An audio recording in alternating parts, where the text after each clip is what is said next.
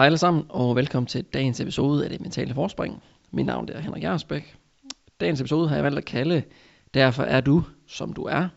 Og den handler lidt om, hvorfor du, jeg og vi er, som vi er. Her i 2020, så lever du, jeg og vi i en tid, hvor det kan kaldes for det her hyper omskiftelige og hyperkomplekse samfund. Det er hyper omskifteligt, fordi alt lige fra hverdagen og øh, vores travle hverdag til udvikling i samfundet, det foregår i et markant hurtigere tempo end nogensinde før. Samtidig så er det også blevet kaldt af professorer og forskere og sociologer, at det er det hyper øh, komplekse samfund, fordi at kompleksiteten har været eksponentielt stigende de sidste mange, mange år og 10 år, 100. Og det betyder egentlig bare på dansk, at det bliver sværere faktisk at være dig og mig i den her tid, som vi lever i nu i 2020. Mulighederne lige nu er markant større og flere muligheder inden for vores forældre, vores bedste forældre og deres forældre. Vi har altid fået flere muligheder, og det kan give flere valg, og der er også flere fravalg. Derudover så lever vi også i en øh, globaliseret verden, hvor informationssamfundet eller informationsindhentningen foregår meget, meget hurtigt. Det betyder mange gange faktisk også i kraft af de sociale medier, at kravet til det, vi skal opnå som person, den er også steget, fordi at vi ser lige pludselig nogen, som lærer at spille øh, klaver og, og øh, guitar, og de tager til Asien, og de bestiger Mount Everest, og de laver frivillig arbejde i Asien eller i Afrika, og de laver alle mulige andre sindssyge ting, som vi også bare lige skal. Og den evne, den har vi faktisk altid som mennesker, at hvis de kan det, så vil jeg egentlig også gerne det. Men som sagt, så er det så bare blevet sværere at være til øh, for du og jeg, og det er blevet sværere at lykkes med blot at være til. Og det her med bare at være til, så handler det en eller anden sted om at være glad, øh, lykkelig og tilfreds med bare at være dig. Og det synes jeg på ingen måde er noget overdrevet livsromantisk mål at stræbe efter, fordi at, altså sådan bør det da være. Livet det er fedt, livet er spændende, og livet er interessant. Men, der er jo selvfølgelig også et stort men, men livet er jo faktisk bare i sidste instans blot, hvad vi gør det til. Vi kan gøre livet til noget mega, mega fedt og mega, mega godt, men vi kan desværre også godt gøre livet til noget dårligt. Men som altid skal vi virkelig også huske på, at blot fordi at fortiden, eller blot fordi at nutiden er, som den er lige nu, så behøver fremtiden ikke at være på samme måde. Når jeg kigger på mennesker, øh, personer, udøvere, i privaten, i sporten eller hvad det så er, når jeg så kigger på mennesker herunder deres øh, mindset og deres indre stemme og deres fysiske adfærd, så vil jeg gerne summere det op til, øh, og faktisk også argumentere for, at du, jeg og vi alle sammen, vi altid gør, som vi plejer. Og når vi gør, som vi plejer, så plejer vi også det, vi gør. Og det gentager jeg lige. Vi gør, som vi plejer. Vi gør, som vi altid har gjort. Og når vi gør, som vi plejer, så plejer vi også det, vi gør. Og det, det er faktisk en af årsagen til, til denne podcast, øh, at jeg tager udgangspunkt i, at du derfor er, som du er, fordi du altid gør, som du plejer. Og når vi gør, som vi plejer, så plejer vi denne adfærd ved på den måde også at gøre det i fremtiden i den næstkommende situation, som minder om denne situation, vi står i lige nu.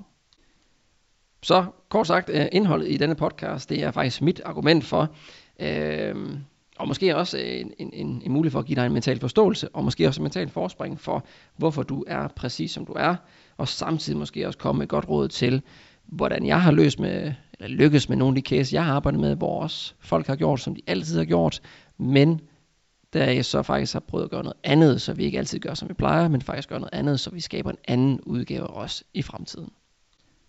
Så mit argument er derfor, at øh, du er som du er, fordi du altid har håndteret dine udfordringer, mentale eller fysisk, hvad det så er, og har altid begået det på samme måde i tilværelsen, i livet, i sporten, i skolen og på arbejdet.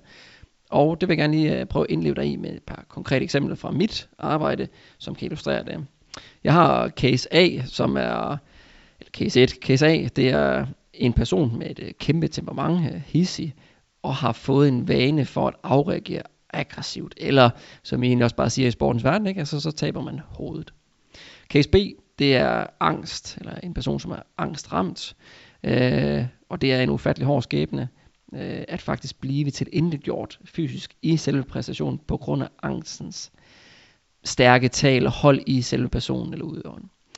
Og jeg mener faktisk også til med at lige apropos eller lige om han er angst, så er det noget af det mest invaliderende at opleve at blive gjort passiv i vores præstation.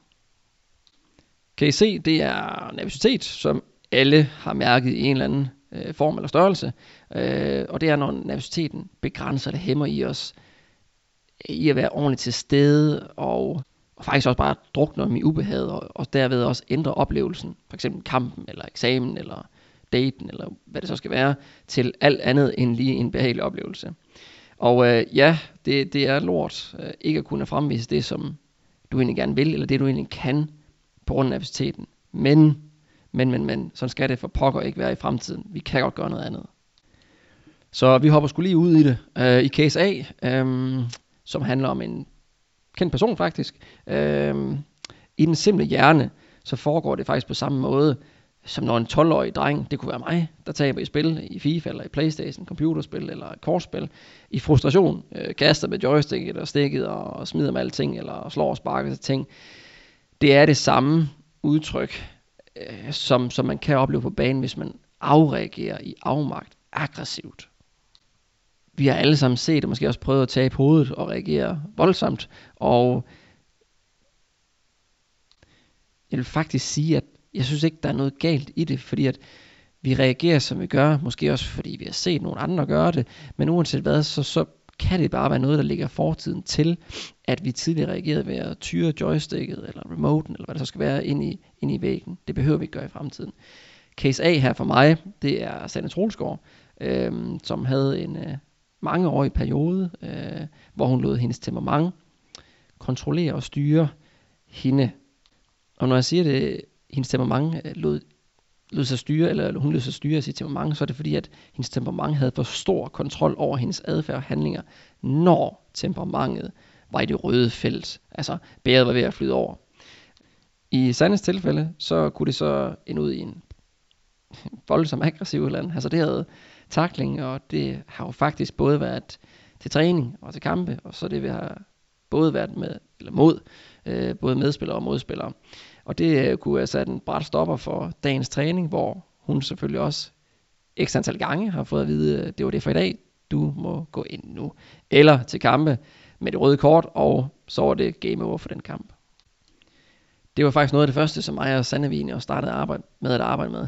Øhm, men, men, men Sanne gjorde egentlig bare øh, sådan rent mentalt øh, det i hendes handlinger, som hun altid har gjort. Det var ikke noget, øh, Sanne var måske lad os sige 27 år, da vi startede med at arbejde, noget i den stil der. Øh, men det hun gjorde som 27-årig, var det samme som da var 26, 25 og 18 og 17 og så videre.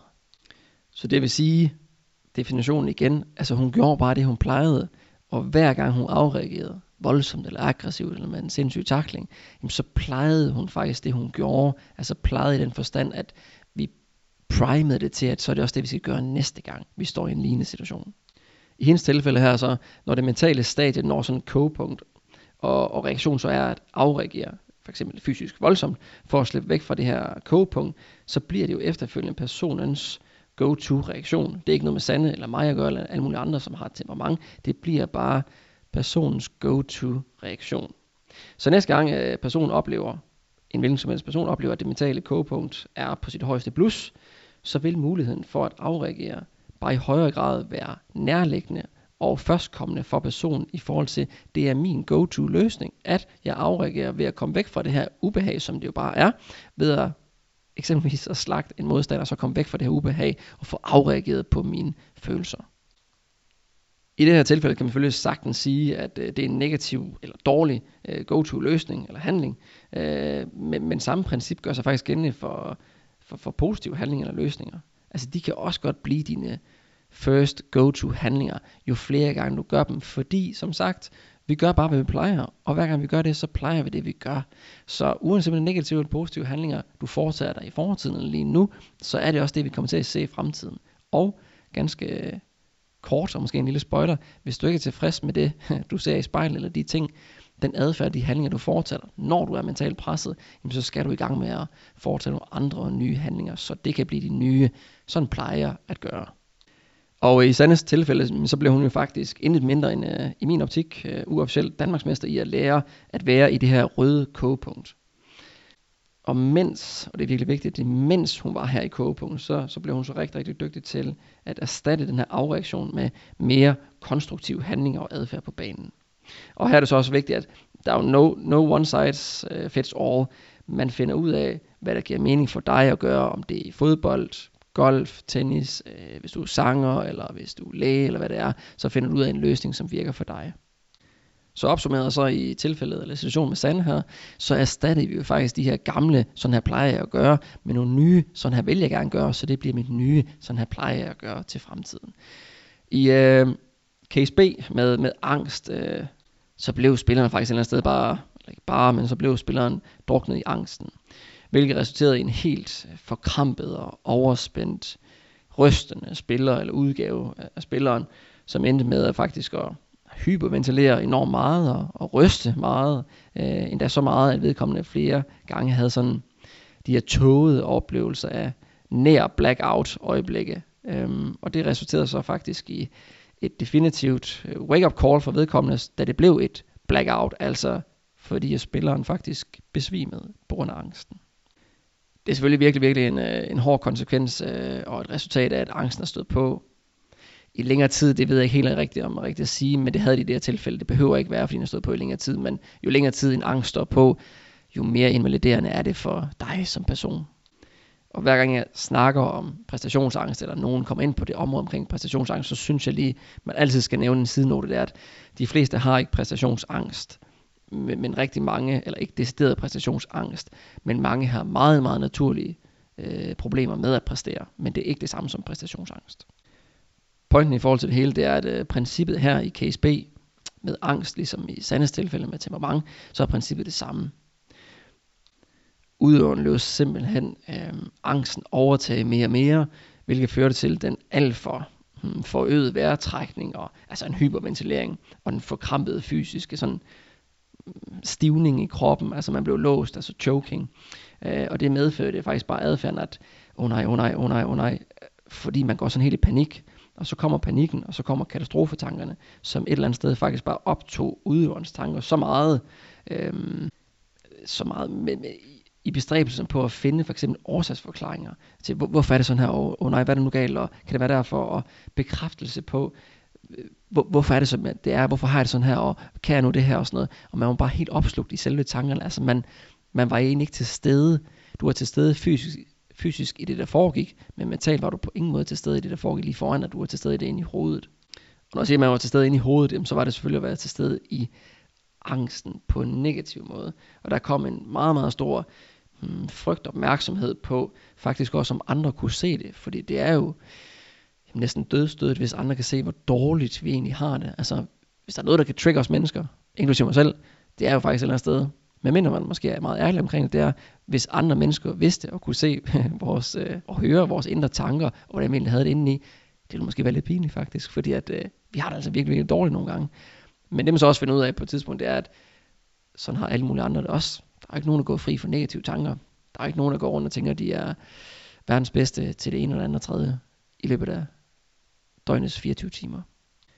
Resultatet i den her case med spilleren, som havde præstationsangst, alvorlig præstationsangst, resultatet blev, at øh, vedkommende endte inde i hovedet og inde i kroppen, når angsten faktisk, det behøvede faktisk ikke at være der, men den, når også bare når den kom snigende.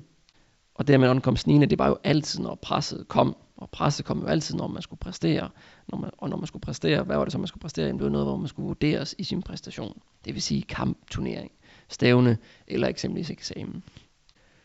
Og øh, udøverens øh, go-to-reaktion, øh, som vedkommende indarbejdet til sig selv, at det er sådan, jeg plejer at gøre i den her situation, det var faktisk en go-to-reaktion, hvor altså, øh, som udeblev i den forstand, at angsten bare styrede, hvad og hvordan udøveren kunne gøre. Og det blev så bare desværre øh, vedkommendes øh, nyskabte, altså ubevidst og uden lyst, øh, nye reaktion, at øh, sådan her plejer jeg at gøre, og sådan her gør jeg, når angsten overtager mig, så bliver pacificeret, jeg bliver handlingslammet, og jeg går ind i mig selv. Og øh, i den her case, så, så blev udøveren så skridt for skridt, og, og jeg mener virkelig, øh, virkelig meget, meget små skridt, øh, men også meget små, men, men stadigvæk også meget modige skridt, mere og mere tryg og komfortabel, og samtidig også bare i stand til at være i angsten eller i angstsymptomerne, når de begynder at melde sin ankomst. Mens han roligt indførte mere og mere egenkontrol over sine handlinger, mens, altså mens med store bogstaver, mens angsten var i ham. Og nu siger jeg selvfølgelig også lige uh, han, fordi at det er næsten også en kendt ting. Det var i hvert fald lige ved at komme ud til TV2 også her for ikke så lang tid siden i den her nye dokumentarserie, der kører. Men det er ikke sikkert, det kommer alligevel. Men jeg synes også, det er rigtig fedt at, at kunne fortælle historier om store profiler eller store spillere også, øh, at det også er mænd, der oplever det her, for det er jo selvfølgelig ikke noget, der kun er forbeholdt kvinder. Vi, vi vil alle sammen gerne præstere, og lige pludselig så kan den her det her præstationsfokus og præstationsræs bare tage over, og lige pludselig så kan der komme en uanmeldt øh, angst og ødelægge hele showet. Øhm, men mere, en lille smule mere konkret i det her tilfælde. Øh, princippet er selvfølgelig stadig det samme. Han gjorde, hvad han altid har gjort i den her angstsymptom. Det havde stået på i et års tid faktisk, hvor det bare blev eskaleret og blev værre og værre. Men lidt mere konkret, så blev det sådan en tretrins model, øh, hvor øh, skridt et, som jeg godt kan lide at arbejde med, det er sådan lidt, altså kan man træde et skridt tilbage, eller et skridt ud af det, for at komme ud af det her præstationsshow, og det, og det er jo på ingen måde altid muligt. Øh, langt fra faktisk, hvis der er man er konkurrenceudøver, så er der måske en ny kammerløs stævne næste weekend, eller inden for særlig, inden for kort tid. Men når man har oplevet angst, altså virkelig præstationsangst, så, så, så slider den edderspark man godt nok på personen. Og øh, der kan det være en god idé at lige træde skridt ud af det og prøve at komme lidt væk fra det, om det er så i bare i 3-4 timer og komme ind og have en snak med nogen, eller få tingene behandlet og få tingene ud, eller man måske kan tage to dage, hvor man lige kommer lidt væk fra tennisen, eller fodbolden, eller håndbolden, eller hvad det så skal være. Og efter man sådan lige kommer et skridt væk fra det, træder et skridt tilbage, så kan man også godt få en lidt mere mentalt restitueret hjerne. Og når man har en lidt mere mentalt restitueret hjerne, så er man sgu bare lidt i en bedre fysisk og mental beskaffenhed i forhold til at modstå den, det pres og den modgang, man nu engang skal overfor i en præstationssituation. Skridt 2, det er også sådan en erkendelse, bevidsthed og en afklaring af, altså hvornår startede det, og hvad kunne trick det, og, og så her ikke også få det behandlet og talt ud, og så få sådan en normalisering af, at der er jo ikke noget galt med ham, altså der er jo ikke noget galt med nogen, som oplever præstationsangst. Øhm, og det kunne også godt eller det gjorde så derigennem de her samtaler, øh, fremkaldte sådan en, accept hos ham, at sådan her har jeg det øh, lige pt, men, men, men det kan godt ændre sig i fremtiden. Og det betyder egentlig også meget belejligt, som, som faktisk også er en meget, meget vigtig læring, og det viser i det hele, det er, at så stoppede han med at kæmpe en kamp mod det, fordi at, jamen det er sådan, at jeg har det nu. Og tidligere så var det jo en katastrofe, det var for dårligt, det var pinligt, det var ringe, at jeg havde det sådan her. Men nu blev jeg nødt til at prøve at erkende, at det er sådan, at du har det for fanden. Og det skal vi gøre noget ved, men du skal også acceptere, at det er sådan, at det er lige nu. Og det er det første skridt i forhold til at, at prøve at komme videre til en ny situation, hvor du får et andet mentalt stadie, som ikke er impliceret eller ramt negativt af præstationsangst. Så i hans tilfælde, så blev det så at prøve at acceptere at være i det. Mega, mega svært i øvrigt, men det er det, det handler om. Og så lad det være, men man er så sådan modigt være til stede, mens det er der, mens han sådan stille og roligt prøvede evne at udføre andre aktive handlinger, som selvfølgelig fremmede hans evne til at selv at være ansvarlig og tage kontrollen, så præstationsangsten ikke længere havde fuld kontrol over ham og det han fysisk kunne gøre, men han selv kom mere og mere kontrol over, hvad det var, han gør, mens det var der. Og det tredje vigtige er så også, at det er en mega, mega svær situation, og, og nogle gange så træder man et, to, tre skridt fremadrettet, og så er der måske også lige et eller to skridt bagud en gang imellem. Altså, det er ikke altid bare en kontinuerlig lineær udvikling, at så kommer man bare over det her. Nogle gange går det godt, andre gange får man lige et stød eller et hug i maven, og så må man lige op på hesten igen. Og i den proces, så, så, så er det bare enormt vigtigt, at man også har, som er punkt 3 her, så et handlingsfokus i den her eksponerede eller udsatte situation. Hvad er det, der skal ske? For når man først står i selve situationen, som man egentlig også bare gør i næste case, hvor man bliver meget nervøs eksempelvis, så er det meget, meget svært at være i øh, nervøsiteten eller angsten, eller bare det her ubehag. Og det er det generelt set også bare, altså når vi er ude af komfortzonen, så er det enormt svært at være i. Hvilket så bare betyder, at vi skal være forberedt på at komme ud i den her situation, fordi når vi først står i den her situation, det ved I også selv på stævnedagen, konkurrencedagen, på kampdagen, altså hjernen og hovedet, det fatter ikke lige nær så meget, altså abstraktionsniveauet er noget lavere, fordi at vi er totalt fokuseret på, på kampen og på at kunne præstere, så vi, vi er ikke rigtig i stand til at tage alle mulige andre nye indtryk ind i hovedet, og det betyder også bare, at, at det er det samme, som foregår i selve situationen, hvor angsten tager over, nervøsiteten tager over, så skal vi have noget præ-forberedt, altså forberedt inden i forhold til, okay, nu kommer den her, vi kan allerede mærke symptomerne, vi kan allerede mærke de her små triggers, som vi godt kender efterhånden. De kommer snigende nu her. Vi ved godt, de kommer i næste kamp, ikke? Eller, måske allerede i omgangsrummet. Og hvad er det så, vi skal gøre der, som vi har forberedt, at du godt kan gøre? Nemme og realistiske små handlinger, som sørger for, at, og det skal selvfølgelig være inden for egen kontrol, ikke? altså handlinger, attitude eller adfærd, men det skal være noget, som, som du kan gøre nemt og realistisk, ikke et eller andet helt vanvittigt. Jeg kan egentlig godt lide også at bruge det der eksempel med, med, med et regnvejr, og øh, nu, nu sidder man her kommer hjem fra ferie, og det har regnet en del i Danmark, og altså regnvejret, det er det samme som, som når angsten kommer, og når nervøsiteten kommer. Vi kan ikke stille os udenfor, og jeg vil næsten kunne opfordre til, at næste gang du oplever regnvejr, læg din telefon, læg alting fra dig, tag en regnjakke på, så gå udenfor, og så kig op, og så prøv at tænke på, jamen, kan du kontrollere eller styre, om det regner eller ikke regner. Og det ved vi begge så godt, det kan vi selvfølgelig ikke. Vi behøver ikke lege værgud eller noget. Øh, men du kan ikke styre regnvejret, men du kan heller ikke styre, om den her angst kommer snigende, eller den her nervøsitet kommer snigende. Men det er måske rigtigt også, og der er nogen, der gerne vil eksponere sig selv for at sige, at vi kan godt kontrollere den her angst, eller for eksempel regnvejr, eller nervøsitet, øh, mentalt set. Øh, men det kan man saftsusme bare ikke i en præstationssammenhæng. Vi kan sagtens gøre det, hvis vi to vi sidder her stille og roligt og snakker, og prøver at tale os væk fra det, eller prøver at arbejde os væk fra det, eller prøver at meditere os væk fra det, eller prøver at trække vejret og henlægge fokus på noget andet, så vi ikke er i angst eller nervøsiteten. Men den kommer til at være der, når du skal præstere. Så derfor skal vi lære at være i angsten, og lære at være i nervøsiteten mens det er der. Og derfor skal man også bare gå ud i regnvejr, når det er der, i stedet for at kæmpe kampen mod, fuck, hvor det irriterende, det regner. Ja, det er det, men skal det forhindre dig i at gøre det, du egentlig gerne vil? Det er jo så det, der er det gode spørgsmål. Skal det forhindre dig i at gå fra A til B, øh, når der regnvejr? Det kan man sige, nej, det skal det måske ikke. Nej, skal det så forhindre dig, at du har det mentale regnvejr, for eksempel nervøsitet eller angst i at gøre det, du egentlig gerne vil? Ja, så princippet var et eller andet sted, øh, eller er også her det samme som i case A. Og i den sidste case her med nervøsitet, øh, så gjorde spilleren, og øh, når jeg siger spilleren, øh, som jeg har taget udgangspunkt i, så, så vil jeg i virkeligheden sige, så gør spillere det, fordi at der er jo flere spillere, der er flere spillere, som oplever det, end spillere, som ikke oplever det, at øh, når nervøsiteten tager over, når nervøsiteten kommer, så bliver det tøvende, og dernæst så begynder det at gemme sig, så de i virkeligheden ikke får de muligheder, eller chancer, eller spilsituationer, som kunne have været mulige, hvis nervøsiteten ikke havde været i dem, eller måske oversat lidt mere korrekt til, hvis nervøsiteten ikke har haft en negativ påvirkning på spilleren eller udøveren. Og det kan være sådan lidt, jeg kan ikke huske, hvad det hedder, men, men counterintuitivt, øh, på dansk tænker jeg i hvert fald, det hedder, at, at spilleren faktisk positionerer sig, eller fremkalder situationer, hvor de ikke skal være i det her, i den situation, hvor de faktisk skal komme i scene og i betragtning og få en afslutning, eller få en afgørende bold, at de faktisk positionerer sig således, at de ja, gemmer sig, det ved vi godt, men så det ikke kommer i scene. Og det kan lyde lidt mærkeligt for nogen, fordi det er jo det, du gerne vil. Hvis du er offensiv spiller, så vil du gerne være en af dem, der kommer til en situation. Men hvis det ikke kører for en, og angsten måske er der, eller i det her tilfælde nervøsiteten har taget over, så kan vi faktisk godt bukke under mentalt set for nervøsiteten, og så positionere os i positioner, hvor vi ikke kan få bolden, og vi ikke kommer i position, fordi så er der i hvert fald ikke noget at klandre på os, og derved også at tage imod en sådan lidt kortvarig belønning, at så har der i hvert fald ikke noget at sætte en finger på. Jeg lavede ikke nogen fejl, så derfor kan jeg ikke kritiseres for det. Men jo, det kan vi godt, fordi din opgave er faktisk at tage de her situationer og finde de her situationer. Din opgave ikke er at score på samtlige chancer.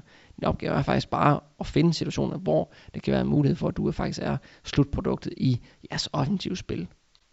Princippet er igen det samme. Vedkommende spiller Ron, inklusive mig selv, formentlig også inklusive dig, når universiteten tog over, så er princippet det samme. Vi gør, som vi plejer. Og hver gang vi gør det, altså vi foretager en handling, så plejer vi det, vi gør. Princippet var det samme, at når nervøsiteten bankede på og tog over for udøveren, så gemte udøveren sig. Spillede uden chancer og uden risiko. Altså defensivt og forudsigeligt og, og ventede faktisk ellers sted bare på, at følelsen af nervøsitet tog over. Og det er rigtig, rigtig interessant. Det er, at vi står i en situation, hvor nervøsiteten tager over, hvor vi befinder os i en situation, hvor man siger, enten så venter du aktivt med at gøre noget, men det skal være en aktiv beslutning, eller så vælger du at gøre noget andet nu, fordi den her kommer ikke til at gå over. Kig op igen, regnvejret stopper ikke, fordi du, du lige håber på det, eller tænker, åh, nu håber jeg godt, at universiteten den, den stopper, eller regnvejret stopper. Vi kan sagtens håbe på det, men det gør det altså ikke mere sandsynligt, kommer til at ske. Opgaven i den case, øh, eller mange andre cases med universitet, det var igen det samme. Det var at tage kontrollen tilbage, og, øh, og den her kontrol, den tages altså tilbage i ubehaget. Der er no way around it. Det, det, det, er, det er sådan her, vi udvikler os, og det er sådan her, vi overkommer de mentale barriere, de mentale forstyrrelser, de mentale udfordringer, hvor vi har noget ind i hovedet, som begrænser os i at levere det, vi egentlig kan fysisk, og det vi egentlig gerne vil fysisk. Og resultatet var, som du nok øh, regnede ud, det var at øh, erstatte den her gamle plejer, altså den her gamle go-to-reaktion med øh, udførelser og aktioner, som vedkommende allerede kunne, men måske bare kun ture, når presset ikke var der, og når jeg virkelig havde selvtillid, og når nervøsiteten ikke var der, så, så turde jeg godt gøre det her. Men der skal vi have fokus på, at du skal stadigvæk ture og prøve at arbejde ind i meget modigt og gøre de samme ting. Og så lad os bare lige hurtigt sige, lad os nu lige vente, fordi rigtig mange af jer er udviklingsspillere, specielt dem der er teenager. Selvom du er 2, 3, 24, så kan du også godt være udviklingsspiller stadigvæk. Så lad os nu lige have fokus på at gøre de rigtige ting, så skal resultatet nok tilkomme på et tidspunkt, jo flere gange du laver det rigtige, den rigtige handling. Og igen konklusionen til de her tre cases, og i den her case, det er, at øh, vi skal ud i ubehaget venner, og øh, det skal vi selvfølgelig forberede os til, så vi står bedre øh, equipped, øh, bedre i stand til at håndtere det pres og de svære mentale ting, som popper op, når vi står i ubehaget. Øhm, og det er jo faktisk egentlig også bare et mentalt forspring til dig, og som, som du kan, eller du skal give dig selv, inden du skal ud i det svære, det er at acceptere, at det her, det skulle sådan her, det er, men, men det er også den eneste, det er den vigtigste, vigtigste stepping stone for mig, det er at træde ud i det her ubehag, hvor det er, altså ind i orkanens øje, hvor der virkelig sker noget, hvor det er virkelig ubehageligt, hvor jeg er usikker, hvor der er risiko, og der er chancer og sådan noget. Det er her, jeg klart udvikler mig mest.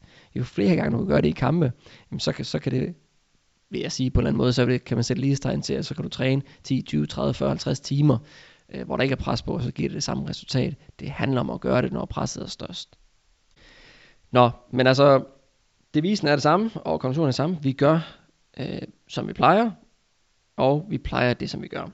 Rent neoteknisk, øh, så sker der nemlig sådan en forstærkning af det, vi gør.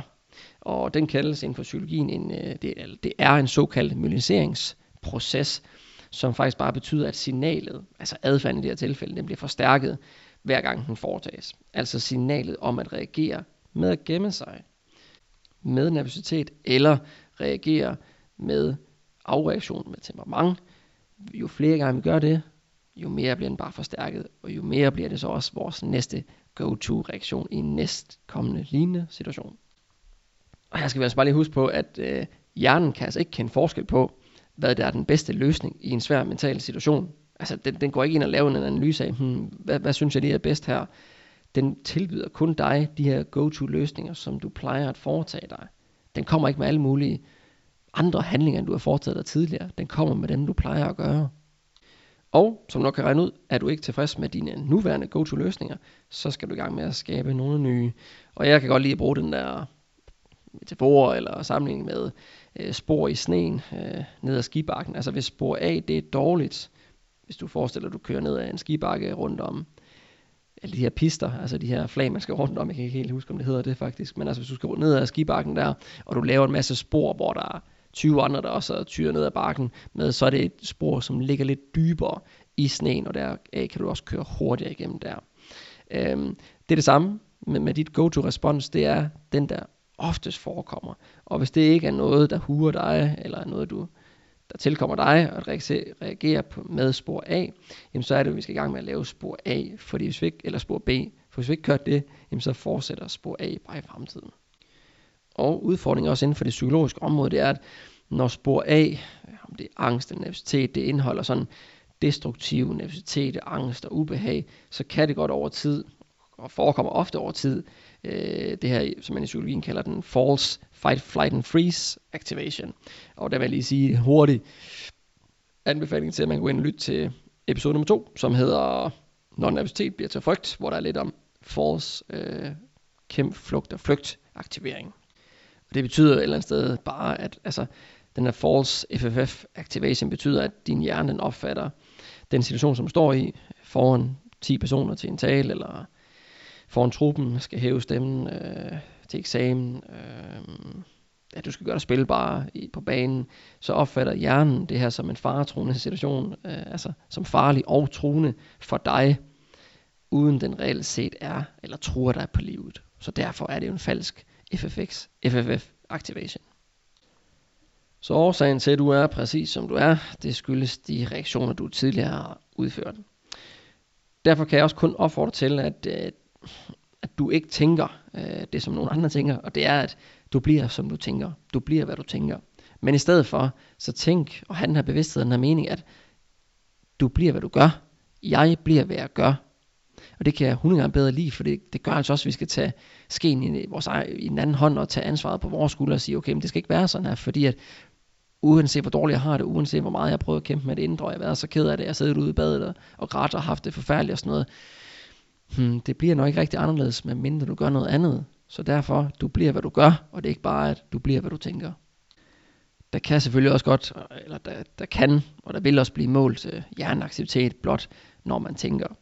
Øh, og det jeg tænker, det er godt i gang sætte det her associative netværk ind i hovedet, hvor det hele bare kulminerer, og det er forfærdeligt, og det ene overtager det andet er dårligdommen. Øh, men uanset hvor slemt, dårligt og mindreværende du tænker og bekymrer dig, så vil det alle dage falde til jorden, hvis dine handlinger er viljestærke og modsætter sig dette. Altså vi skal, vi skal virkelig også have husk på, de ting vi gør, alle de ting vi gør, det kan aldrig tages fra os. Men de ting som vi ikke gør, de fungerer faktisk, altså de ting vi ikke gør, men vi gerne vil gøre, de fungerer i stedet for som benzin til den her indre negative, virkelig, virkelig, virkelig negative indre storyteller omkring alt det, du ikke gjorde, alt det du burde kunne gøre, alt det her, hvor dårligt det nu engang er for dig, i forhold til alle mulige andre.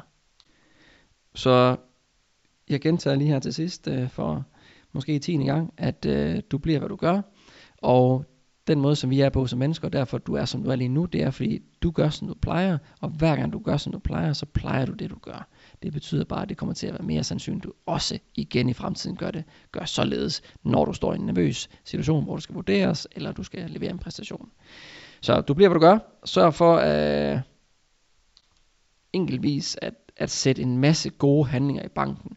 Jo flere af dem, du sætter i banken, jo bedre bliver det i fremtiden. Det handler ikke om, at du skal lykkes 100% af, af gangene, og hvis man er så uheldig at være ramt af en lidt perfektionistisk tilgang til, at jeg skal bare det her, det, jeg, jeg må ikke fejle, så er det en svær situation, fordi at du kan ikke levere noget, som er fejlfrit og perfekt, og øh, så er det i hvert fald ikke noget med sport at gøre, ikke noget med præstation at gøre. Hvis du øh, står i en situation, hvor altså, det kan være fodbold, håndbold, tennis, badminton, du har jo altid en direkte Inden så har du en mod en, eller så er det en holdsport. Du har jo altid en direkte konkurrent, og din konkurrent står lige over for dig og vil sige, jeg vil også vinde alle dueller. Og de siger måske også, jamen jeg vil også gerne øh, ikke lave nogen fejl. Men det er jo hammerende urealistisk, og det bliver vi nødt til at forene os med. Altså hvis vi skal lave dyrk sport på præstations- og eliteniveau, så kommer vi til at lave fejl. Og det er super fint, men fejl er ikke det, der definerer dig. Det, der definerer dig, det er det, du gør efter en fejl. For hvis du ikke gør noget efter en fejl for at gøre det om, jamen, så bliver det en fejl. Men hvis du reagerer viljestærkt bagefter, og kommer efter det igen, jamen, så er det sgu ikke en fejl. Så er det bare en midlertidig aktion i kampen, en midlertidig duel, som du måske lige taber. Og det kan da godt ske, at du koster et mål, eller du koster et eller andet fatalt i, i selve præstationen. Det er rigtigt, det er ikke særlig godt, det kan vi ikke komme ud, når vi kan ikke rigtig lyve om det her. Men, men, men, men pointen er så bare, hvad gør du for at ændre det? Gør du noget for at ændre status quo? Vi bad jo lige nu på grund af mig, på grund af min fejl. Ja, det er vi. Det kan vi ikke lave om. Scorebordet er 1-0 til de andre. Men skal vi gøre noget ved det, eller skal vi lade det være sådan her? Fordi hvis vi bare skal lade det være, og du ikke har noget modsvar, noget modrespons til det, så kan vi, så kan vi lige så godt bare blive skiftet ud, og så må vi lade en anden ind til over. Det var faktisk øh, dagens podcast for mig. Øhm, jeg kørte den lige alene uden øh, Christian i dag. Han er helt sikkert med næste gang, og jeg er lige kommet hjem fra ferie. Han er lige færdig med hans øh, flytteræs, så vi skyder den af igen i, om 14 dage, så der kommer to i måneden her. Og det var dagens ord for mig. Mit navn er Henrik Jersbæk, og vi snakkes ved eller høres ved. Hej hej.